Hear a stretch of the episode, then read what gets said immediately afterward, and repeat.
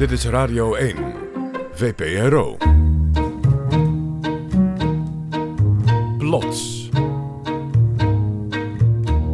Chris Baiema en Jair Stijn.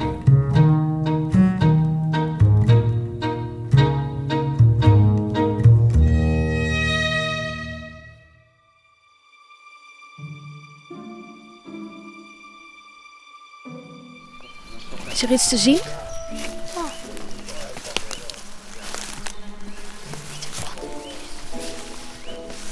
Wat zien jullie?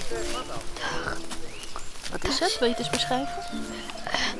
We weten dat nog. Ik weet dat nog niet. Ja, hier klopt het dat we fluisteren omdat we op natuurexcursie zijn. Ja, we zijn inderdaad in het bos met een groep padvinders. Volgens mij is, volgens mij is het een havik. Een havik? Is het een havik? Ja. Onze verslaggever Tjitske Musche ging mee met deze jonge groep padvinders. Die op deze hele korte expeditie al een uil, een steenmarter, een buizerd en een vos hadden gezien. Vooral die vos, dat vonden ze een beetje gek. Vossen zijn meestal wel beter verstopt. Ja, deze niet, hè? Nee, en, en ze komen meestal s'nachts voor. Meer. Was deze vos doof of zo? Want ze kraken best wel hier, Ja, deze padvinders. Het, het, wonderlijke gedrag van deze vos heeft veel te maken met het probleem waar de natuurgids mee zat. Die deze padvinders begeleiden. Henk Hietebrink heet hij. Gaf al jaren tours door het bos, maar op één terugkerende vraag van de natuurliefhebbers had hij geen bevredigend antwoord. Waar zijn de dieren? Men vroeg dan van, eh, eh, kunnen we zoiets verwachten hè, als een, eh, een, een, een houtsnip of, een, of ja, voor mij een haas of zo. Hè. En dan, dan gaf ik aan van ja, het kan misschien, maar u bent met een groep van 20, 25 mensen en toch enigszins luidruchtig. Ja, En Hij- dus, Ja. hij verzon een list. Eerst vertelde hij aan niemand wat hij had gedaan, maar tijdens de rondleiding voelden de mensen af en toe wel dat er iets vreemds aan de hand was. Ik heb één keer meegemaakt met de haas. Die had ik eh, in een weilandje naast het bos eh, gezet. En de mensen kwamen aan. En dat was de eerste, de beste, die zei van... Kijk, er zit een haas. En, eh, maar ja, toen stonden ze er een kwartier te wachten nog op anderen die nog wat later kwamen. En toen zei hij, hij zit er nog steeds. Hè, dat, wat, wat, eh, wat een vreemde haas, hè. En er waren er al wat, die begonnen in de handen te klappen. Hè. Maar ja, de beest bleef zitten. Hè. Mag ik gokken dat de vos ook opgezet was? Allemaal opgezette dieren. De vos, de haas. Hij had zo'n 40 opgezette dieren weten te bemachtigen uit een restaurant dat over de kop was gegaan. En nu, elke keer voordat hij zo'n rondleiding geeft, plaatst hij eerst de beesten zorgvuldig in het bos. Wat is dit? Dit is een zwarte specht. Die houdt echt van, eh, van eh, vrij oude beukenbossen. Hamer en spijkers mee. Maar je moet natuurlijk toch wel weer een bevestiging hebben. Hè? Maar hoe ervaren mensen dit eigenlijk? Het grappige is, hij zegt zelfs de mensen die weten dat ze naar dode dieren gaan kijken, die blijven het gewoon allemaal heel spannend vinden. Het werkt. Hoor, groene specht. Die groene specht hebben sommige mensen nog nooit gezien. Ik ken eh, eh, een eh, kennissen in Groningen. Die beste man, die heeft nog nooit een groene specht gezien. Die heeft nog nooit een groene specht gezien. Dus wat doe je? Je laat hem zien. Je laat hem zien. Al is hij dan dood. Dan zeggen ze, ha, dat is hem. Ik heb hem, al is hij opgezet, ik heb hem gezien. Dit is plots met wonderlijke ware verhalen rond één thema. En vandaag is dat thema Praktische oplossingen. over mensen met onverwachte problemen en onorthodoxe oplossingen. En wat is dan het eerste waar jij aan denkt? Wat is jouw meest creatieve oplossing als je iets wilde bereiken wat op geen enkele andere manier lukte? Ja, ik heb mijn oplossing meegenomen. Ja, eerder, dat is namelijk dit.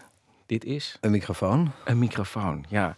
Die heb ik één keer ontzettend goed weten in te zetten. Ik ging namelijk naar New York om een Nederlandse regisseur te volgen. Die was genomineerd voor een Emmy Award. Die Aha. man heb ik gewoon geïnterviewd. Maar wat ik niet wist, en dat ontdekte ik daar bij zo'n uitreiking, zijn heel veel bekende mensen. En daar was je diep van onder de indruk? Of? Nee, er was één iemand die daar rondliep. Ik dacht, als ik daarmee op de foto sta, dan maak ik een ontzettend grote indruk thuis. Namelijk Angela Lansbury. Van Murder, She Wrote. Jij kijkt me heel erg aan, maar Van Murder, Angela? Lansbury heeft ooit fan. de moeder gespeeld van Elvis Presley in een van zijn films. en ze speelde in Murder, She Wrote. Ehm, nou, duizend afleveringen. Elke keer was er een moord. Zij werd nooit verdacht. En toen dacht ik, ik wil met haar op de foto, maar het is gênant om dat te vragen. En toen heb- ben ik met mijn microfoon naar haar toe gegaan. Met een of andere onzinvraag. Mijn, setje stond denk ik niet eens aan. En ik heb deze foto met Angela. Lens. Ze kijkt wel heel ja, verschrikt. En zonder microfoon durfde je niet? Nee, dat zou ik echt niet gedurfd. Goed. De hoofdpersoon in het volgende verhaal, die voerde eigenlijk wel een soort van vergelijkbare soort van actie uit. Sarah Bijlsma heet ze. Alleen de mensen die zij wilde ontmoeten, dat waren geen beroemdheden. Het waren haar eigen familieleden. Acte 1. Bastaardkind. Een verhaal gemaakt door Jennifer Patterson. hart zat in mijn keel natuurlijk. Het was zo ontzettend eng. Je moet aanbellen, maar je durft niet, zeg maar. Sarah staat voor het huis waar haar broer en zus wonen. Ze staat op het punt om aan te bellen, maar aarzelt. Het is ook niet iets waar je op voor kan bereiden. Dit is gewoon verschrikkelijk. Niet alleen hebben ze elkaar nog nooit gezien, Sarah's broer en zus weten niet eens dat zij bestaat. Wat je misschien ook moet weten is dat Sarah een kleine cameraploeg bij zich heeft en niet van plan is om haar eigen identiteit prijs te geven. Stel dat, stel dat ze niet mee willen werken, of stel dat ze je herkennen, of stel dat ik niet uit mijn woorden kom. Ja, ik vond het doodeng. Ik, ik deed het echt in mijn broek. Voor een buitenstaander lijkt dit vast een bijzonder slecht plan. Het eerste contact met je broer en zus onder valse voorwendselen beginnen. En dat ook onder valse voorwendselen laten vastleggen op film. Maar Sarah is ervan overtuigd dat dit de enige manier is om haar broer en zus te ontmoeten. Om dat te begrijpen moeten we terug tot voor Sarah's geboorte. Toen mijn moeder en mijn vader iets met elkaar hadden, was dat min of meer een beetje geheim, want hij was ook nog getrouwd met iemand anders. Op een gegeven moment toen werd mijn moeder zwanger. En wilde mijn vader dat zij eh, abortus liet plegen. Wat ze bijna ook gedaan heeft, maar dat ze gelukkig op het laatste moment is eh, het ziekenhuis uitgerend. Want ondanks dat Sarah's moeder al drie kinderen had en helemaal niet van plan was om er nog een te nemen, vond ze het moeilijk om het kind weg te laten halen. Hij zei toen van, nou, pff, dit, dit schiet niet op. We denken er wel even over na en dan eh, spreken we elkaar later. En hij heeft nooit meer teruggebeld en zij ook niet. En zo zijn ze eigenlijk uit elkaar gegaan. Vijf jaar later hoorden ze via vrienden die hadden in de krant gelezen dat hij was overleden. Sarah heeft haar vader nooit ontmoet, maar heeft hem ook niet echt gemist tijdens haar jeugd. Haar vader was dood en kon onmogelijk een rol in haar leven spelen. En toch zal hij dat wel gaan doen. Toen ik een jaar of veertien was, geloof ik, zat ik met mijn eh, zus in Utrecht op een terrasje. En toen zei ze op een gegeven moment: Weet je eigenlijk dat je nog een zus en een broer hebt? Ja, ja, ik bedacht me laatst dat je dat misschien wel helemaal niet weet. Het blijkt dat haar vader al twee kinderen had uit zijn officiële relatie. Sarah wordt door het nieuws overrompeld. Het, het is gewoon een ontzettend raar idee, omdat je zou, je zou verwachten dat ze iets voor jou betekenen. En dat ze dicht bij je staan, bijvoorbeeld. Als Sarah in de trein zit, kijkt ze naar de mensen om zich heen en vraagt zich af of een van hen misschien haar broer is of haar zus. Het enige wat ze van hun weet zijn hun namen. In de telefoongids vindt ze hun adressen en telefoonnummers, maar belt ze niet op. Nee, dat, dat leek me echt helemaal niks. Omdat ik dan binnen zou komen met het verhaal van... Hallo, ik ben je zusje, je kent me niet. Omdat je vader een andere vriendin had dan je moeder en die bezwangerd heeft. Gewoon het bastaardkind van hun vader. En ik was bang dat ze mij gewoon niet als, als een gewoon persoon konden zien. Bang om afgewezen te worden, laat Sarah het erbij zitten.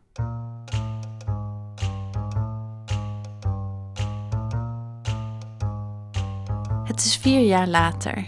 Sarah is 18 en zit op de kunstacademie. Als ze een filmopdracht krijgt, besluit ze een documentaire te maken over de kant van de familie die ze niet kent. Ze spoort een oude vriendin op van haar vader, die haar graag te woord staat. De verhalen die ze van hem hoort brengen gevoelens naar boven. In de film die ze maakt legt ze alles vast. Hier ligt ze in bed met haar vriendje. Ze zijn net wakker. Sarah heeft over haar vader gedroomd. begon in eh, Nijmegen. En ik ging met de bus naar hem toe en toen wou ik instappen.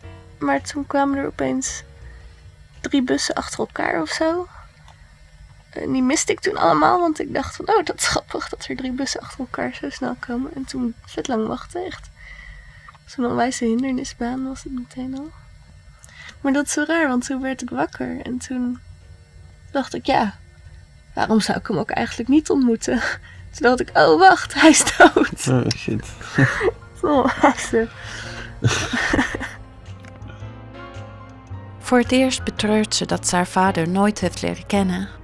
Maar ze wordt ook boos. In de film praat Sarah erover met een vriendin. Ik bedoel, wanneer je weet dat je zo ziek bent, dat je dood zal gaan, dan ga je nadenken over eh, alles wat er in je leven is gebeurd natuurlijk. En, en ik kan er maar niet bij dat je op zo'n moment niet denkt van, ik heb nog ergens een klein meisje van vier rondlopen. Eh, Waar, waarom is die er niet bij of zo? Of, ja. ja, en Ja. dit is de enige kans dat ze me nog ziet. En Ja. eh, je moet toch op zo'n moment een soort van bekering of zo hebben. Het besef dat ze haar vader voorgoed kwijt is, maakt haar vastberaden om haar broer en zus wel te leren kennen. Op Google typt ze hun namen in. Ze komt erachter dat haar broer heeft meegedaan aan een programma voor MTV. Ze koopt een DVD. Ineens heeft ze uren materiaal met haar onbekende broer. Maar haar nieuwsgierigheid wordt niet gestild. De drang om haar familie te leren kennen wordt alleen maar groter. Toen ehm, begon ik daar wel langzaam maar zeker over na te denken of ik hen niet een keer op moest zoeken en gewoon of dat niet een mogelijkheid was misschien. Maar de geruchten dat Sarah in de familiegeschiedenis is gaan graven, heeft een onverwacht gevolg.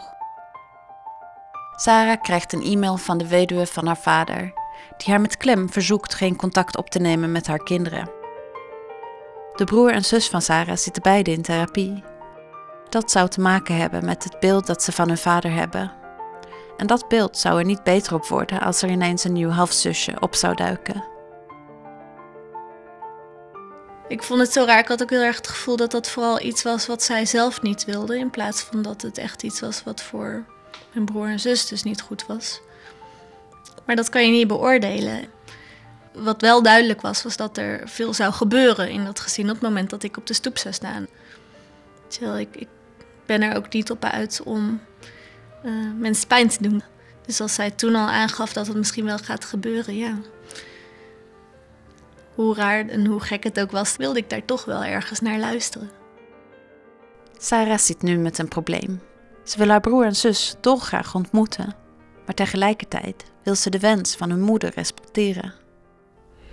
Ik ben toen na gaan denken over op wat voor manier ik hun dan wel zou kunnen ontmoeten, maar dan zonder dat zij precies wisten dat ik het was. Eh, dus is toen echt van alles door mijn hoofd gegaan. Ik ben gaan denken over of ik misschien stage zou kunnen lopen op hun werk. Of dat ik een keer toevallig tegen zou kunnen komen in de kroeg of zo. En dan bedenkt Sarah een plan. In de geest van het tv-programma Man bij het Hond gaat ze met een cameraploeg bij haar familie aankloppen. Het moet eruit zien alsof ze toevallig bij hun is beland. Sarah voelt gelijk dat het een goed idee is. Ja, nee, dat is ideaal natuurlijk, want zo loste ik meteen het hele probleem op. Want ik kon hun filmen eh, en ik kon hun ontmoeten.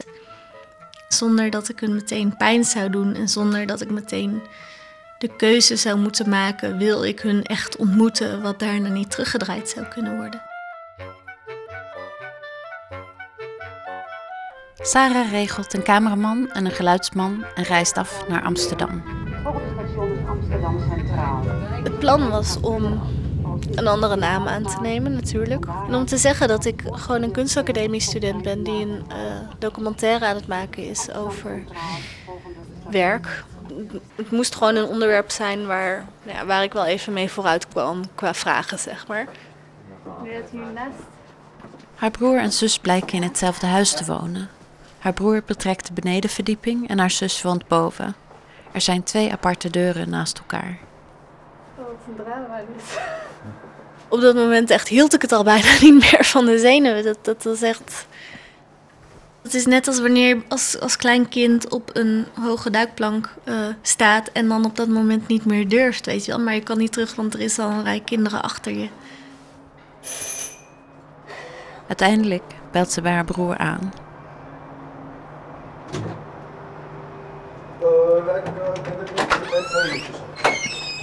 Hallo, ik ben Johanna van Leeuwen en ik uh, studeer hier aan de Rietveld Academie. Mm En ik maak een documentaire over um, wat mensen doen na hun werk, de Nederlandse burger. Ze vroeg ons of we even binnen mogen komen. Ik woon hier niet. Oké. Okay. Ik vraag wat het even aan degene die hier woont. Ja? is. Dit is haar broer niet. Haar broer is wel thuis, maar wil niet meewerken. Helaas. Hallo. Maar jullie komen niet op televisie hoor. Het Nee. is een persoonlijk uh, film. Ik heb hem dus echt helemaal niet gezien. En dat is echt heel jammer, want van mijn broer wist ik het meeste. Hij, hij- ik, hij leek me gewoon een ontzettend leuk persoon, dus ik was echt heel erg benieuwd naar hem. Maar Sarah heeft nog een kans. Spelt aan bij haar zus. En toen eh, werd er van heel hoog uit een raampje eh, geschreeuwd. Waarbij ik terug ging schreeuwen van, nou ja, hallo, ik wil een film maken, mag even binnenkomen. Heel kort, een paar minuutjes.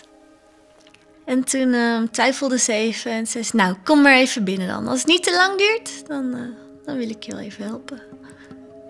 Dus toen werd er aan een touwtje getrokken en ging de deur open. Een hoogzwangere vrouw met twee nieuwsgierige kinderen aan haar zij doet open. Haar man is aan het koken.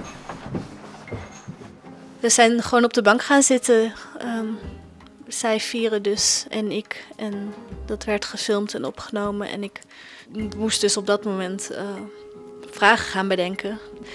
Van wat voor werk doe je? En heb je vandaag een leuke dag gehad? En nou ja, gewoon echt van die hele gênante dingen, zeg maar. En je bent je er heel erg bewust van dat zij echt zoiets moet hebben van... Oké, wat is dit nou weer voor rare, slechte film die hieruit gaat komen?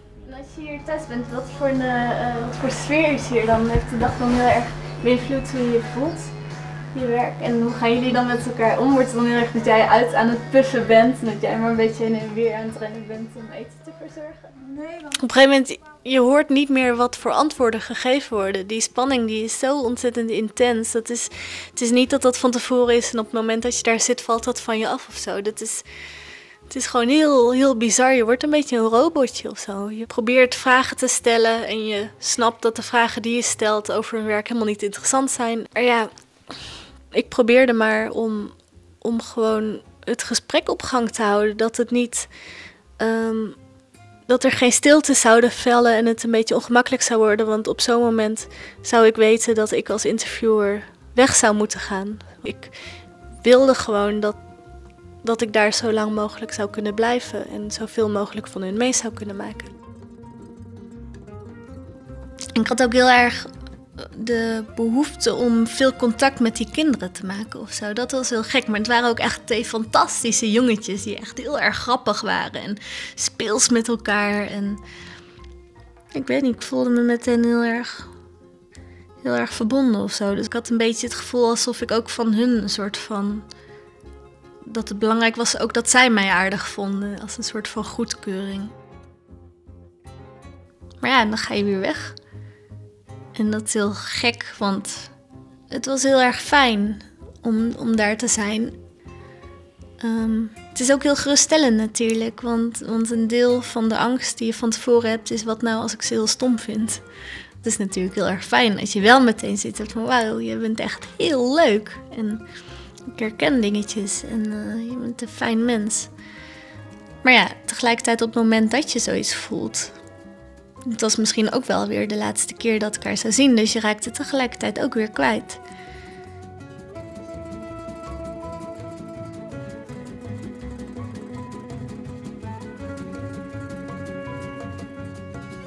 Op de fiets terug van het station komt de spanning van de hele operatie ineens vrij en moet Sarah ontzettend huilen. Thuis bekijkt ze de gênante beelden van het bezoek en monteert haar film af. De maanden erna speelt ze met het idee om hem op te sturen naar haar broer en zus. Dat heeft ze nooit gedaan. Ze heeft de film ook nooit officieel kunnen vertonen, omdat haar broer en zus daar eerst toestemming voor zouden moeten geven. Een buitenstaander zou kunnen denken dat Sarah's plan mislukt is. Maar zelf denkt ze daar anders over. Ik wist niet zeker of ik hun wel echt in mijn leven wilde hebben. Als een broer en een zus. Daar was ik, daar was ik gewoon niet zeker genoeg van, denk ik. Ik vind het prima hoe het nou lo- gelopen is. Het is ook niet alsof ik nog ergens met een knoop zit van... oh, maar dit had anders gemoeten. Of, ehm, het is gewoon nu echt goed zo. Sarah heeft er vrede mee. Tenminste, voor nu. Ergens heeft het me juist heel erg veel rust gegeven. En heb ik besloten dat ik hun niet nu eh, wil ontmoeten. Misschien in een toekomst, maar dat ik, dat, dat ik daar nu gewoon geen behoefte aan heb. Of eh, dat dat niet nodig is op dit moment. Maar je bent niet bang dat wat je hebt gedaan die relatie eh, kapot zou kunnen maken? Of dat ze jou kwalijk zou nemen? Nee, denk ik niet, omdat als ik hun deze film laat zien en als dit de manier is waarop zij met mij in contact komen, dan ehm, ben ik al meer voor hun dan alleen maar dat kind van hun vader. Zij, zij weten door, door die film, als zij hem zouden zien, dan zouden zij al een beetje weten hoe ik ben.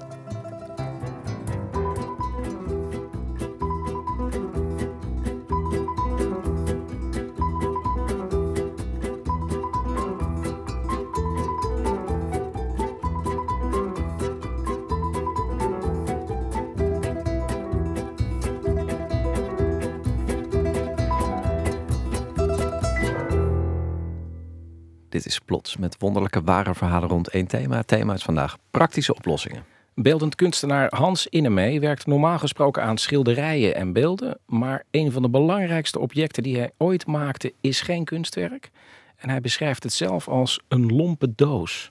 Oké, en waarom was die doos dan zo belangrijk? Maar omdat de situatie bij hem thuis, bij zijn gezin, niet te houden was. En een doos helpt Ja, daarbij. de- deze doos wel. Enorm. Goed. Acte 2. Posten. Een verhaal gemaakt door Malou Peters en Laura Stek.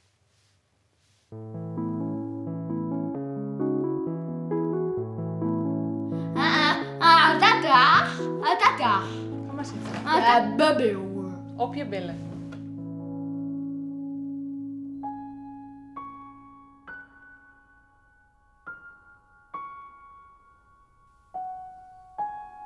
Ja, op deze foto van Anouk en Martijn. Dan zeg ik gewoon, nou, ik heb dus twee kinderen. eh, en een van die twee, die is niet zo slim. Welke van de twee is het? Nou, dan eh, is dus 50% zegt, nou, ik denk het meisje, ja, maar ze lijkt me ook best wel slim, maar niet zo slim als hij. Volgens mij is hij hoogbegaafd. Ik zeg, nou, het is net andersom. Onze Martijn is verstandelijk gehandicapt, die IQ van 30. En Anouk is getest, die heeft een IQ van boven de 150. Dat konden ze niet eens meer meten. Haar hou ik voor. Hou ik voor. Waar ben je helpen? Eh, met wie? Brieven? Hou. Gaan we kijken? Ja, popposten. Kom dan Martijn. De eerste eh, aanblik was gewoon, nou, u heeft een gezonde zoon. Proficiat. Nou, en eh, dan een paar maanden later, eigenlijk dus na een half jaar, eh, was het duidelijk gewoon van, nou, hij doet toch bepaalde dingen niet die een kind met een half jaar zou moeten kunnen. En als we hem optilden, liet hij zijn kop eh, gewoon los aan zijn lijf bungelen. Dat zag er heel eng uit. En dus wij namen altijd zijn kop voor hem mee. Hans. Hans is jouw vader, ja. We hebben twee ordners vol met rapporten. Dus er is een uitgebreid dossier. Maar de hele rits van deskundigen eh, krijgen niet eenduidig omschreven wat hem nou precies mankeert. Als je hem aan zijn lot overlaat, eh, gaat hij binnen een dag naar de kloten. Dan is het gewoon, dan haalt hij waarschijnlijk de avond niet. Hij loopt onder een bus. Eh, nou, er er gebeurt iets dramatisch. Ik bedoel, hij haalt de 24 uur niet. Nou. Opruimen. Ah, papaaien. Martijn is 12, maar hij gedraagt zich als een kind van twee. Maar wel met een woordenschat van ongeveer 1500 woorden. Die heel moeilijk te verstaan zijn, behalve als je hem heel goed kent. Sleutel. Een sleutel. Ah, Heel goed sleutel. gehoord. Heel goed Ah, gehoord. sleutel. En hij kan ontzettend druk zijn. En dan is hij ook ontremd. En dan eh, ja, ben je in de aap gelogeerd. Hij heeft eh, een periode gehad van maanden dat hij eh, om negen uur vrij goed insliep. En dan om twee uur wakker was en dan sliep hij niet meer. Maar er is dus een fase geweest van zeker een half jaar dat eh, het hopeloos was, het slapen. En dat wij ombeurten, eh, of Bernadette of ik, eh, naar het logeerbed gingen. En vaak ging Bernadette overdag dan een paar uur terug naar bed, want anders trek je het niet. Maar dan kon hij ook heel luidruchtig zijn. Dat, eh, dat is gewoon niet vol te houden. Martijn, hou nou eens even je kop, man. Van. Concreet betekent dat dat Martijn continu bezig gehouden moet worden en je hem letterlijk geen moment alleen kan laten. Je kunt hem ook niet zomaar meenemen naar een vreemde omgeving, want hij snapt de informatie van de vreemde omgeving niet. Dus bijvoorbeeld in een restaurant gaat hij schreeuwen of met dingen gooien als hij niet weet wat er aan de hand is of wat er om hem heen gebeurt. Bouw! Bouw! Bouw! Martijntje, even stil. Ah, stil. Ah. Nou, wat ook wel lastig is, is dat Martijn graag dingen ergens doorheen gooit. Opruimen noemt hij dat. Eh, zoals laatst toen had ik de NS-kaart klaar liggen eh, om naar de trein te gaan. En ik ging 10 seconden naar de gang om zijn jas te halen. En Martijn had de NS-kaart al door het dakraam gegooid. Dus die lagen toen in de dakgoot. Hij stopt erg graag ergens iets in. Dit komt ook wel doordat hij epilepsie heeft. En daardoor wil hij graag friemelen. Dus met zijn handen bezig zijn, omdat hij die prikkel krijgt vanuit zijn hersenen. Er zijn op zich medicijnen om die epilepsie te onderdrukken. En die krijgt Martijn ook. Maar als je die in die hoge mate zou geven dat je alle prikkels onderdrukt, dan krijg je echt een totaal ander kind.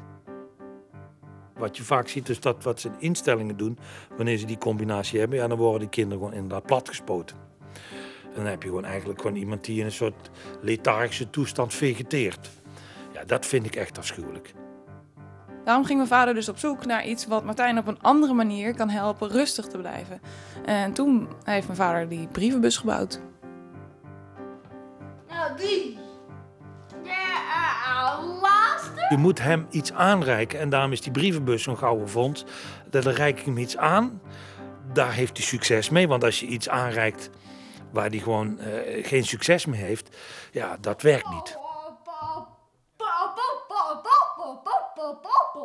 De brievenbus is een, eh, een, een houten kast. Een beetje artistiek in elkaar gezet door mijn vader.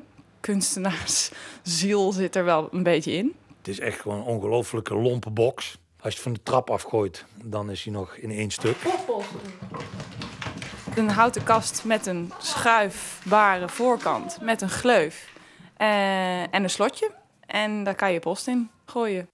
Op sommige dagen is hij twee, drie uur aan het posten. En dat zeven dagen in de week. En bij de brievenbus horen een- gemiddeld 200 brieven, kaarten, met daarop foto's van situaties die Martijn kent. Dit is iemand van school dat is de juf. en dit ben jij in Japan. Ja. Als ik een week weg ben, sorteert hij alle foto's waar ik op sta uit. Eh, als Malou eh, een dag is geweest, dan heeft hij de dag daarna haalt hij alle foto's van Malou haalt hij iedere keer eruit. Die brievenbus is echt een onmisbaar ding geworden. Want Martijn is fysiek bezig, dat maakt hem rustig. Eh, en je kunt hem nu meenemen naar een onbekende omgeving, zoals bijvoorbeeld in een restaurant. Want met de brievenbus heeft hij een activiteit waarmee hij kan wennen aan een nieuwe omgeving. Hij kan daar energie in kwijt. Dus ik denk dat hij eh, minder epileptische activiteit ontwikkelt als je die energie kan ontladen. Dus hij wordt er rustiger van. Maar wat ook heel belangrijk is, anders vraagt hij voortdurend één op één aandacht van iemand in, uit zijn omgeving. Want voor de rest heeft hij weinig dingen waar hij zich alleen mee bezig kan houden. Je moet hem bij alles helpen. Zonder brievenbus hadden wij geen rust. En hij ook niet, want en posten, posten, En op een gegeven moment moest het ook een reisbare brievenbus worden. Dus is er de vakantiebrievenbus gemaakt. Het eerste wat je ook, als wij op een eh, onbekende locatie komen, bijvoorbeeld eh, nou, als we naar Frankrijk rijden en eh, we komen in zo'n bed and breakfast of iets, zoiets, eh, omdat we daar dan een tussenstop maken. En het is allemaal onbekend voor hem. Dus het eerste waar hij dan zijn veiligheid bij haalt, is dus zijn vakantiebrievenbus. Het is wel toevallig dat ze hier ook een postbrievenbus systeem hebben. Nee, dat hebben ze speciaal voor Martijn gedaan. Echt waar? Ja. Oh. En ze hebben zelfs bij zijn paardrijles een brievenbus geïnstalleerd.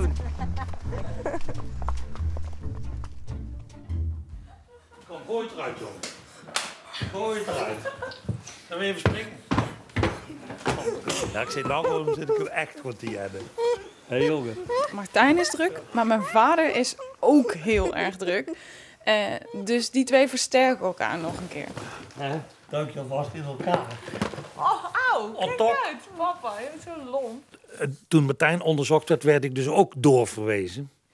En toen kwam je, nou, dan kom je bij een neuroloog en uiteindelijk bij een psychiater. En dan gaan ze eerst een vragenlijst. En na de vragenlijst was het eigenlijk al niet meer nodig ook om nog verder onderzoek te doen. Een exemplarisch geval van ADHD werd toen eh, wetenschappelijk vastgesteld. Nou, eigenlijk is het als je hun twee in huis hebt, eigenlijk gewoon twee hele luidruchtige kinderen. Ik heb hier nog mijn psychologisch rapport van de lagere school hier in mijn atelier eh, aan de muur ingelijst hangen. Want ik was vroeger dus een extreem druk kind. En ik was zo druk dat ik op de woensdagmiddagen, als we de vrij waren van school, bij regenweer mochten mijn twee broers wel binnenspelen en ik moest naar buiten. Ik kreeg gewoon een regenjasje aan en de laarzen. En eh, gewoon, eh, nou, eh, wegwezen jij. En ook de zomervakanties vond mijn moeder een ramp. Er is natuurlijk heel veel herkenning. En daardoor is er dus ook heel veel herkenning over eh, niet begrepen worden. Waar ik ook echt als kind erg veel last van heb gehad. Eh, afgewezen worden, er niet bij horen. Gewoon, nou, eh, dus dat buitenbeentje zijn. Martijn, Ja, kijk eens deze. Doe die maar hierin. Apposter. Mijn vader die is heel beschermend. Omdat Martijn natuurlijk ook eigenlijk altijd een klein en afhankelijk kind blijft. Geweldig, jongens. Je ziet echt een hele sterke, betrouwbare, verantwoordelijke man. Die zelf eigenlijk nog een beetje een kinderlijke expressie heeft. Met een kind dat zich helemaal eh, overgeeft aan het, eh, aan het vertrouwen dat mijn vader dan uitstraalt. Als je dus een goede doen is en hij zelf ook druk en wilt, zoals je dan, nou dan is het eigenlijk iedere keer als ik thuis kom, dan eh, staat hij te springen. Staat hij al een kwartier van tevoren bij de achterdeur te wachten bij de ramen. En als ik dan kom, dan is het papa, papa, papa. En dan staat hij gewoon een minuut of drie, vier. te- En dan doen we ook soms vechten en stoeien. En dat vindt hij geweldig. Dan even springen. Aan de ene kant eh, zijn mijn vader en Martijn heel druk met elkaar en reageren ze heel heftig op elkaar. Eh, maar aan de andere kant worden ze ook heel rustig van elkaar. Eh, Martijn door de brievenbus die papa heeft gebouwd die voor hem echt een houvast is in zijn leven. Eh, en voor mijn vader is het Martijn die alleen maar denkt aan nu. Niet aan wat er net gebeurde of wat er daarna gebeurde. Maar absoluut alleen maar in het moment is. Het gaat van niks naar nergens, want hij doet duizend keer opnieuw dezelfde stapel kaarten en dezelfde stapel pinnetjes door die gleuf frotten. Dus het is eh, eigenlijk is dat een super autistische handeling.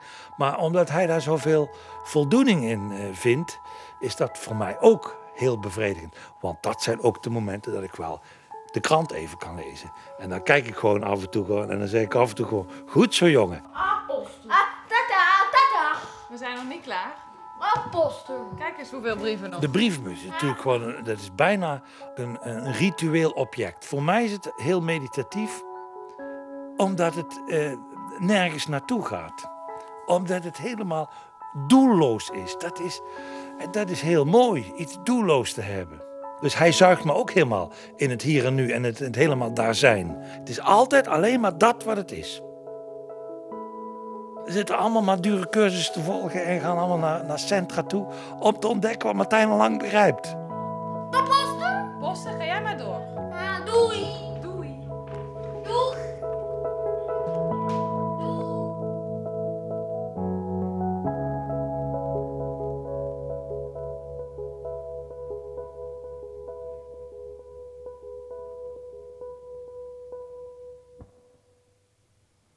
De muziek die u hoorde aan het slot en aan het begin van deze acte werden gecomponeerd en uitgevoerd door Tony Roe.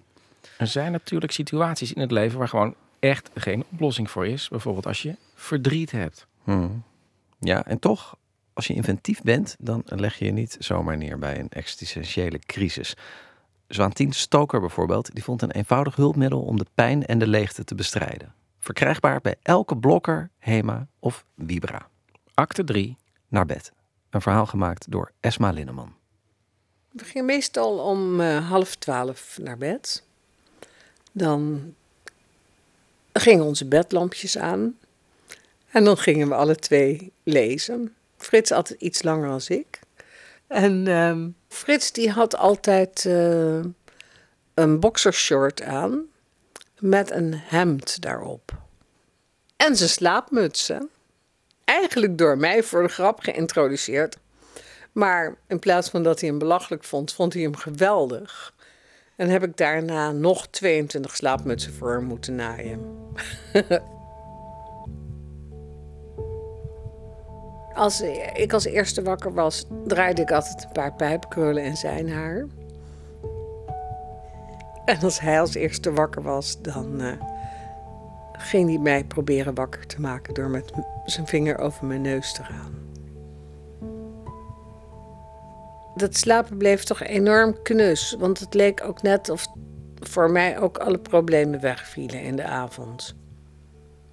Ja, die duisternis van de slaapkamer met die kleine bedlampjes um, gaf toch een soort van heel beschut gevoel. Zelfs een beschutting tegen alleen naar uh, zaken als een naderende dood of een, ja, de angst voor pijn en zo. Maar dat werd altijd allemaal veel minder als we naar de slaapkamer gingen. En uh, ja, had van heel veel dingen ook gewoon last. Had ijskoude handen. En hij was ook bang vaak. De laatste tijd sliepen we altijd hand in hand.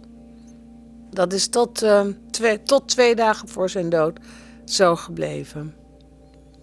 En toen kon hij de trap niet meer af. Dus dat was toen een probleem geworden. Maar uh, dus eigenlijk bijna tot het einde is het wel zo gegaan.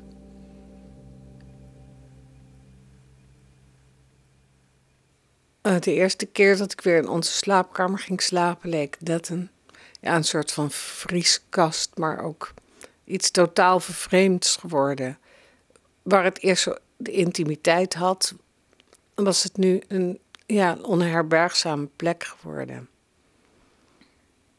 En om het uur werd ik wakker. En ik, ik had zo'n behoefte om, om wel te kunnen slapen. Dus ik, ik zocht naar iets wat me het gevoel zou geven van dat de dingen weer klopten. Of dat er iets was wat klopte.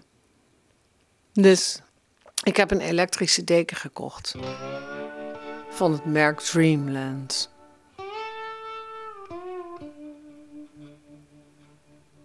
Zijn witte deken, afgezet met een donkerblauwe rand. Um, sinds ik die deken dan uh, heb, leg ik die deken dus naast me neer. En dan slaap ik de hele nacht door, omdat er dan toch een soort van warmte naast me ligt.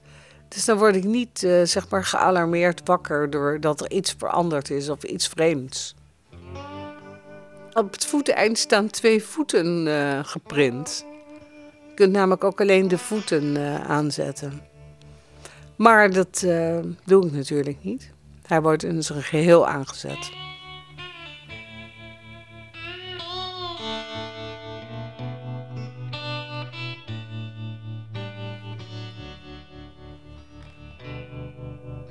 Plots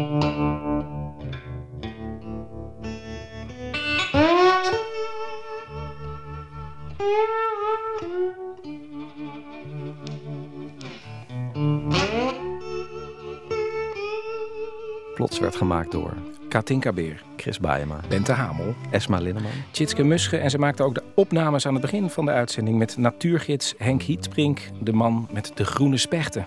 En de vos en de buizerd. Malou Peters, Jennifer Pettersson, Laura Stek, Jair Stijn, Stef Visjager. Productie Sharon de Vries. En de techniek was in handen van Alfred Koster. Plots wordt mede mogelijk gemaakt door het Mediafonds. En ja, hier blijven we toch met de vraag: wat is jouw praktische oplossing die meteen bij je binnenkomt? Ja, als je daar ik, heb er, ik, ik heb er maar één. Ik heb er maar één. Het is heel lang geleden, maar het was toen er nog militaire dienstplicht was. Toen moest ik een soort manier vinden, een list om daar onderuit te komen. Want ik had geen zin om een jaar of twee jaar lang blowend mijn geweer schoonmaken. In die tijd had je ook helemaal niks te doen in dienst. Dus Mooi. En je kon niet volhouden dat je twee meter was? Nee, ik had eigenlijk, ik was te gezond en ik was ook bang dat ze me misschien graag wilden hebben. Ehm, S5, kon dat nog? het kon niet meer, ze kon niet gek verklaard worden. En wat ik deed, ik dacht, ik, ik bedenk gewoon het meest onwaarschijnlijke scenario. Ook toen ik het aan mensen vertelde, toen geloofde niemand dat ik het echt van plan was. Toen dacht ik, nou oké, dit is echt een goed idee. Wat ik deed, mijn plan was om, eh, eerst wilde ik de aandacht trekken van de keuringsarts. De arts die dan moet kijken of je gezond bent. Dus ik had alle symptomen ingevuld. Had ik thuis een lijst opgestuurd gekregen. Met eh, zeg maar psychosomatische klachten, zenuwlijden, heimwee, nagel, nou ja, van alles. En vervolgens dacht ik, als ik daar ga zitten, dan ga ik in mijn broek plassen bij de keuringsarts. Nee. Ik had het eerst thuis uitgeprobeerd Nee. om te kijken of me dat makkelijk afging. Nou, Maar echt serieus? ja, ja, ja, ja. Nee, ik ging meteen eh, naar boven. En ik vond, dacht, het is een heel goed plan. Nou, meteen daar in mijn broek geplast. Ik dacht, dit werkt. Het is echt een goed idee. Maar wisten ze dat thuis ook of niet? ja, ik had, ik had het aan mijn broer verteld, die inmiddels al goedgekeurd was. Dus ik had echt wel een slecht voorbeeld. En ik ben, eh, ik heb ontzettend veel ingedronken de avond van tevoren. Ik had dus ontz- heel erg lang was ik niet naar de wc geweest. En toen ik daar aankwam, stond ik totaal op knappen. En ik voelde me zo ellendig. Ik moest dan ook, je moest dan ook urinesamples nog Ja. geven. Ik, ik ben, toen ik eh, plaste, Ja. was er iemand die liep binnen, die Maar doopte gewoon zo'n strookje in de wc-pot. Nou, ik, heb, ik heb dus gewoon geschept. Ik heb een, eh, mijn bakje heb ik geschept wat iemand anders niet had doorgetrokken. En dat heb ik laten zien. Want ik dacht, als ik nu naar de wc ga, dan loos ik alles. Nou, was helemaal klaar daarvoor ben ik naar de keuringsarts eh, gegaan. En ik, ik, ik, ik moet er dus heel slecht uit hebben gezien, omdat ik zo nodig, zo nodig moest. En toen zei hij, hij keek me aan en zei, volgens mij ben jij niet de geschikte persoon om in militaire dienst te gaan. En toen heb ik het hele plan laten Je zat zo verkrampt, je hoefde niet ja, ja, te ja. Ik hoefde helemaal niks te doen. En toen heb ik het gewoon afgewacht. Ik ben voor goed ongeschikt verklaard. Ik kan nooit meer, ik bedoel, eh, het maakt niet uit hoe erg de oorlog is. Al hebben ze niemand, mij kunnen ze niet meer oproepen. Oké, we zijn door zo'n praktische oplossingen heen. Jij hier. ja, goed. Op onze website kunt u lid worden van de gratis Plots podcast. U kunt er ook een reactie plaatsen. En daar gaan we na de uitzending gelijk op zitten wachten. Onze website is vpro.nl slash plots. En we, willen, we wachten ook op uw persoonlijke verhaal over de dag dat u niet uw hart volgde, maar uw hoofd. Heeft u een verhaal, eh, mail dat naar plots.vpro.nl. Ja, dat is dus eh, ja, rationele oplossingen. Bent u wel eens dwars tegen uw gevoel ingegaan bij het maken van een belangrijke beslissing met grote gevolgen? Dan moet u ons vooral mailen. plots.vpro.nl Straks Bureau Buitenland met Harm Ede Botje. En volgende week verhalen in Studio Itzerda. En plots is er volgende maand weer. Ja, en dan natuurlijk gewoon weer de, de, de, de laatste zondag van de maand, zoals gebruikelijk. Wat is het thema, Chris? Halve waarheden. En echte leugens.